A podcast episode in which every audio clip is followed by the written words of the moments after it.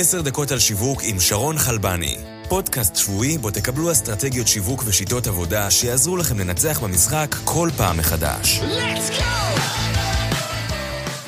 ברוכים הבאים לעוד פרק של עשר דקות על שיווק. אני שרון חלבני ואיתי נמצא גלעד אפריס, סמנכ"ל בכיר לאסטרטגיה ב-Outbrain. Outbrain היא מערכת המלצות תוכן המציגה את התכנים שלה באתרים מובילים כמו CNN, BBC, הוושינגטון פוסט והארץ. אני אתן דוגמה בשביל מי שלא מכיר. למשל, כשאתם נכנסים לכתבה במגזין של הארץ, בתחתית של הכתבה יש section עם הכותרת כתבות נוספות שעשויות לעניין אותך, או מרחבי הרשת. חלק מהכתבות האלה עיתונאיות לחלוטין, וחלקן שיווקיות וממומנות על ידי מפרסמים שמשלמים כסף, שמתחלק בין Outbrain לבין הארץ, במקרה הזה. הסברתי את זה נכון? נכון. ואנחנו נלמד מגלעד איך סטארט-אפ עם רעיון חדשני יכול להתחרות במפלצות כמו גוגל ופייסבוק. נעים מאוד, גלעד? נעים מאוד. לפני שנתחיל, אני אתן עליך עוד קצת פרטים. התחלת לעבוד ב-Outbrand ב-2010, כיום אתה מנהל שם את תחום האסטרטגיה של החברה, אסטרטגיית המוצר, את הפיתוח התאגידי ומוצרים חדשים. לפני Outbrain שימשת כ-VC בוויולה ונצ'רס, שם היית אחראי על השקעות בסטארט-אפים מתחום המובייל והדיגיטל, כשאחת החברות שהובלת את ההשקעה בהן הייתה Outbrain. בהמשך, ירון גלאי, מייסד Outbrain, ביקש ממך להצטרף לחברה, ואנחנו עוד נרחיב על זה ממש עוד מעט.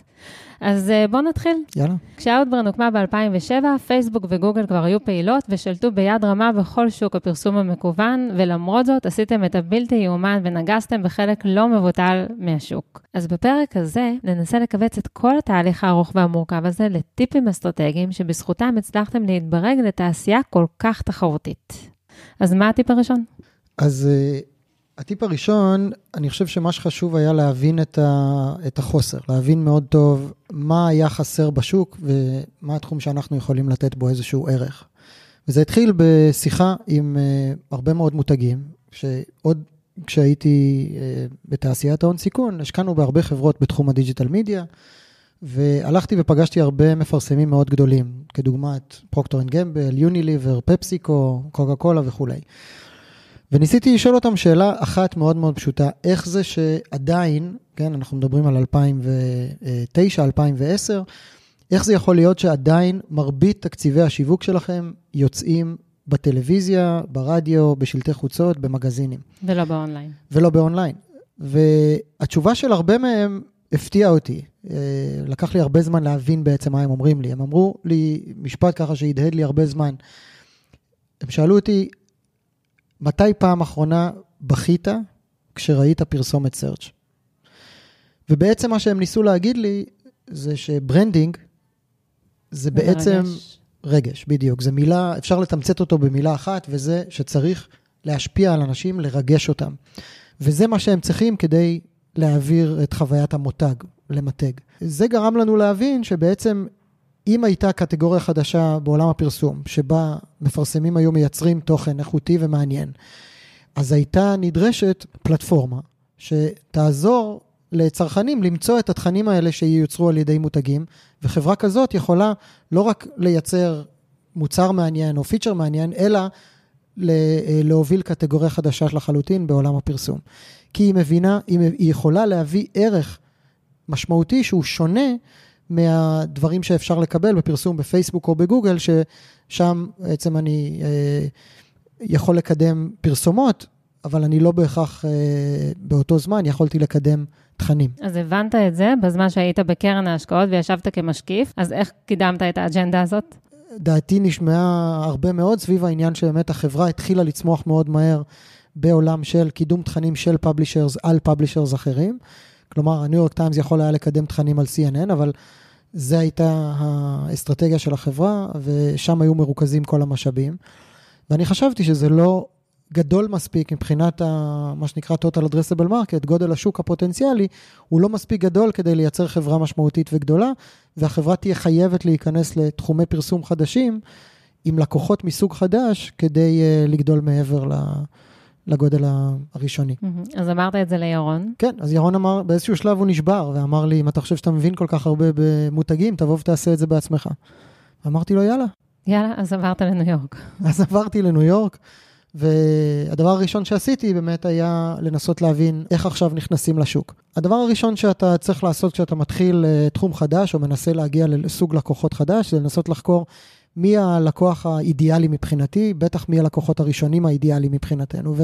ובמקרה שלנו, אה, זה היה א', חברות שכבר מייצרות תוכן, וב', בשאיפה הם אה, מותגים מספיק גדולים כדי שאם אני אצליח להשיג אותם בתור לקוחות, אז יהיה לי כבר הרבה יותר קל, אחרי שהשגתי את הראשון, להשיג את השני, השגתי את השניים הראשונים, יהיה לי יותר קל להשיג את השלישי, הרביעי וכולי. Mm-hmm. וככה באמת גיליתי אה, שלאמריקן אקספרס יש אתר תוכן מאוד גדול שנקרא אופן פורום, לרדבול יש אתר אה, תוכן אה, ספורט אקסטרים מאוד מעניין, ולפרוקטור אנד גמבל יש אתר חדש שהם השיקו לפני שלושה חודשים, שנקרא Man of the House. והחלטתי שאני אנסה למצוא את הבן אדם האחד מתוך ה-20 אלף איש בפרוקטור אנד גמבל, שהאתר Man of the House הוא בבת עינו ואכפת לו ממנו. Mm-hmm. וזה אה, ההתחלה, זה בעצם קודם כל לעשות את המחקר של מי הלקוח הפוטנציאלי הראשון, שתיים, מי הפרסונה שיהיה לה מעניין, אה, שאותה אני מנסה להשיג, ושלוש, מי ה person, מי הספציפית בן אדם שהוא הבן אדם שאליו אני צריך לפנות מתוך כל העובדים בחברה. אז אתם סטארט-אפ קטן וצעיר באותה תקופה, ופרוקטר אנד גמבל הם גוף ענק, איך אתה יוצר קשר עם אותו בן אדם? מה שגיליתי זה באמת שיש בן אדם על טוויטר, אה, שהוא במקרה product manager ב-P&G, ואני רואה שהוא עושה טוויטים על האתר Man of the House. אז עשיתי לו follow, עשיתי כמה פעמים retweet של דברים שהוא אמר, ואז הוא עשה לי follow חזרה, ודרך טוויטר יצרתי איתו קשר, ביקשתי רבע שעה מזמנו להסביר לו למה מה שאנחנו עושים יכול לשנות את חייו. ומשם זה התחיל. Mm-hmm. אז איך אתה משכנע אותו, שהמוצר שלכם באמת ייתן לו ערך? אז אני חושב שכשמקבלים את ההזדמנות לדבר עם מישהו, אה, שיש לו כבר איזשהו תהליך עבודה מסודר, והוא יודע עם איזה ארגונים הוא עובדים, ויש לו תוכנית עבודה לרבעון, ואתה מנסה לבוא ובעצם לשנות את, את הדברים שהוא עובד איתם, ולשכנע אותם שהוא צריך לעשות דברים אחרת, לא מספיק לבוא עם הצעת ערך שהיא פי שתיים יותר טובה, אתה צריך לבוא עם הצעת ערך שהיא פי עשר יותר טובה. כדי שהוא יגיד, אוקיי, אתה יודע מה, אני עוצר את כל מה שאני התכוונתי לעשות היום, וכל מה שהתכוונתי לעשות השבוע והחודש, ואני עכשיו לא רק יקשיב למה שאתה אומר, אלא באמת ישקיע את הזמן גם בלנסות את המוצר ואחרי זה לקנות אותו. והנקודה הזאת של הצעת ערך שהיא פי עשר, כלומר, אני גם אהיה יותר זול, ואני גם אהיה יותר מהיר, וגם לא ייקח לך זמן להתקין, וגם אני אעשה בשבילך את עבודת הקסטומיזציה, וגם אה, אני אבנה לך את המודל איך אתה מפרסם איתי בשישה חודשים הקרובים, ומעלה את הטראפיק באתר, ו, ו, ו, ו, זה ביחד מייצר את הערך של הפי 10, שבסופו של דבר לא מאפשר לו להגיד לא. עכשיו בוא תספר לנו קצת על הקשיים שנתקלתם בהם בכל התהליך הזה, כי זה בטח לא היה קל כל כך. לא, התהליך היה מאוד ארוך, הוא עדיין מאוד מאוד קשה, כי אה, א', הדבר הראשון שאתה מגלה זה שגם אם עשית את המחקר הראשוני וגם אם השגת את הכמה לקוחות הראשונים, אתה מגלה את הפער בין מה שנקרא early adopters לבין אחרי זה התהליך שאתה צריך לעבור, כדי להביא את ה mass market, את, את כל השוק הגדול מאחוריך. באמת, אמנם הבאנו את פרוקטור אנד גמבל ואת אמריקן אקספרס כלקוחות ראשונים, אבל אחרי זה להביא את שאר המותגים זה כבר תהליך הרבה יותר קשה, הם ברובם אין להם אסטרטגיית תוכן, הם לא יודעים לייצר תוכן, אין להם את השותפויות אה, לייצר את התוכן הזה, let alone לקדם אותו אחר כך. אתה בעצם מדבר כאן על תהליך שלם של חינוך שוק. נכון, אז התהליך הראשון זה שאתה משיג את ה-early adapter, סבבה, יש לך reference uh, clients, אבל עדיין אתה צריך מאוד להשקיע uh, בעניין של חינוך שוק. אז מצד אחד, עם המותגים זה להשקיע הרבה מאוד מאמץ בלנסות לחנך אותם ללמה זה חשוב, למה זה טוב, איך אפשר לעשות את זה. אולי אפילו לייצר בבית את היכולות שיכולות לעזור להם לעבור את המשוכה הזאת של uh, הייצור תוכן וכולי. זה משהו שאנחנו לא עשינו אף פעם, אבל אפשר לחשוב עליו. Mm-hmm. אנחנו החלטנו ללכת לכיוון של אה, בעצם להשקיע את כל השיווק של Outbrain, לא ב-Outbrain, אלא בקידום הקטגוריה החדשה הזאת שנקראה אז Content Marketing והיום נקראת Native Advertising, וכדי לקדם את הקטגוריה, מצאנו שותף אה, שנקרא Content Marketing Institute, שהיו איזשהו ארגון קטן שיצר תכנים והסביר למה קידום של תוכן הוא אה, העתיד של עולם הפרסום, והשקענו את כל האנרגיה והמאמץ בבעצם לקדם אותו ואת האג'נדה שלו, מתוך הבנה ש-when tide rises, all boats rise as well, ובעצם אה, ככה התחלנו, התחלנו את כל התהליך. זאת אומרת שכל התהליך של החינוך שוק וכל התהליך של להסביר ללקוחות הפוטנציאליים למה הם צריכים אה, להתחיל לייצר תכנים, לא רציתם לעשות את זה בעצמכם, אלא קידמתם את זה דרך איזשהו גוף אחר, כדי שזה לא ייתפס יחצני מדי? נכון. אז זה מצד אחד. מהצד השני, אה, מתחילים לעבוד עם גופי התקינה, בעולם של אה, Software as a Service או, או, או תוכנה, זה יכול להיות ארגון כמו גרטנר, בעולם של ה advertising שלנו זה ארגון כמו ה-IAB, ה-Internet Advertising Bureau, אהמ. שמגדיר בעצם סטנדרטים בעולם, ולקח שנים, אבל דרך ייצור של מערכות יחסים ועבודה עם הלקוחות הקיימים שישפיעו על הארגון וכולי וכולי, בסופו של דבר, ב-2014-2015, באמת ארגון ה-IAB הגדיר את Native Advertising כקטגוריה בעולם הפרסום, הגדיר את הסטנדרטים מסביבה, ומשם התהליך כבר נהיה הרבה יותר קל, כי אתה כבר לא בא לשכנע למה אני מעניין, למה אני בתוך קטגוריה שלא התכוונת לעשות, אבל היא מעניינת, ל...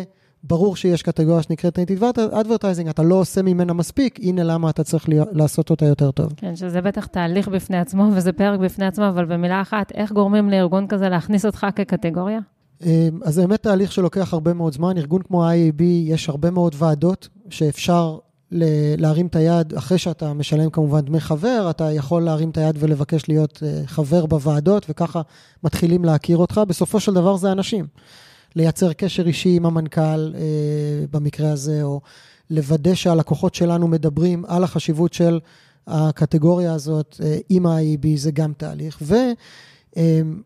ושוב, ההחלטה העקרונית הראשונית של לבנות קטגוריה ולא להיות שחקן בקטגוריה קיימת, היא החלטה מראש, היא, היא החלטה מאוד מאוד uh, מסוכנת ומאוד מורכבת, והחלטה שא', דורשת הרבה מאוד משאבים, גם כספיים וגם אנושיים, וגם לוקחת הרבה מאוד זמן. Okay. אוקיי. אם זה מצליח, הריוורד הוא מטורף, כן?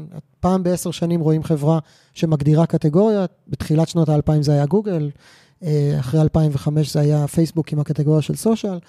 אני מקווה שאנחנו ניזכר אה, עשר שנים מהיום בתור הקטגוריה של נייטיב, כמו שגוגל ופייסבוק הן מובילות mm-hmm. קטגוריה.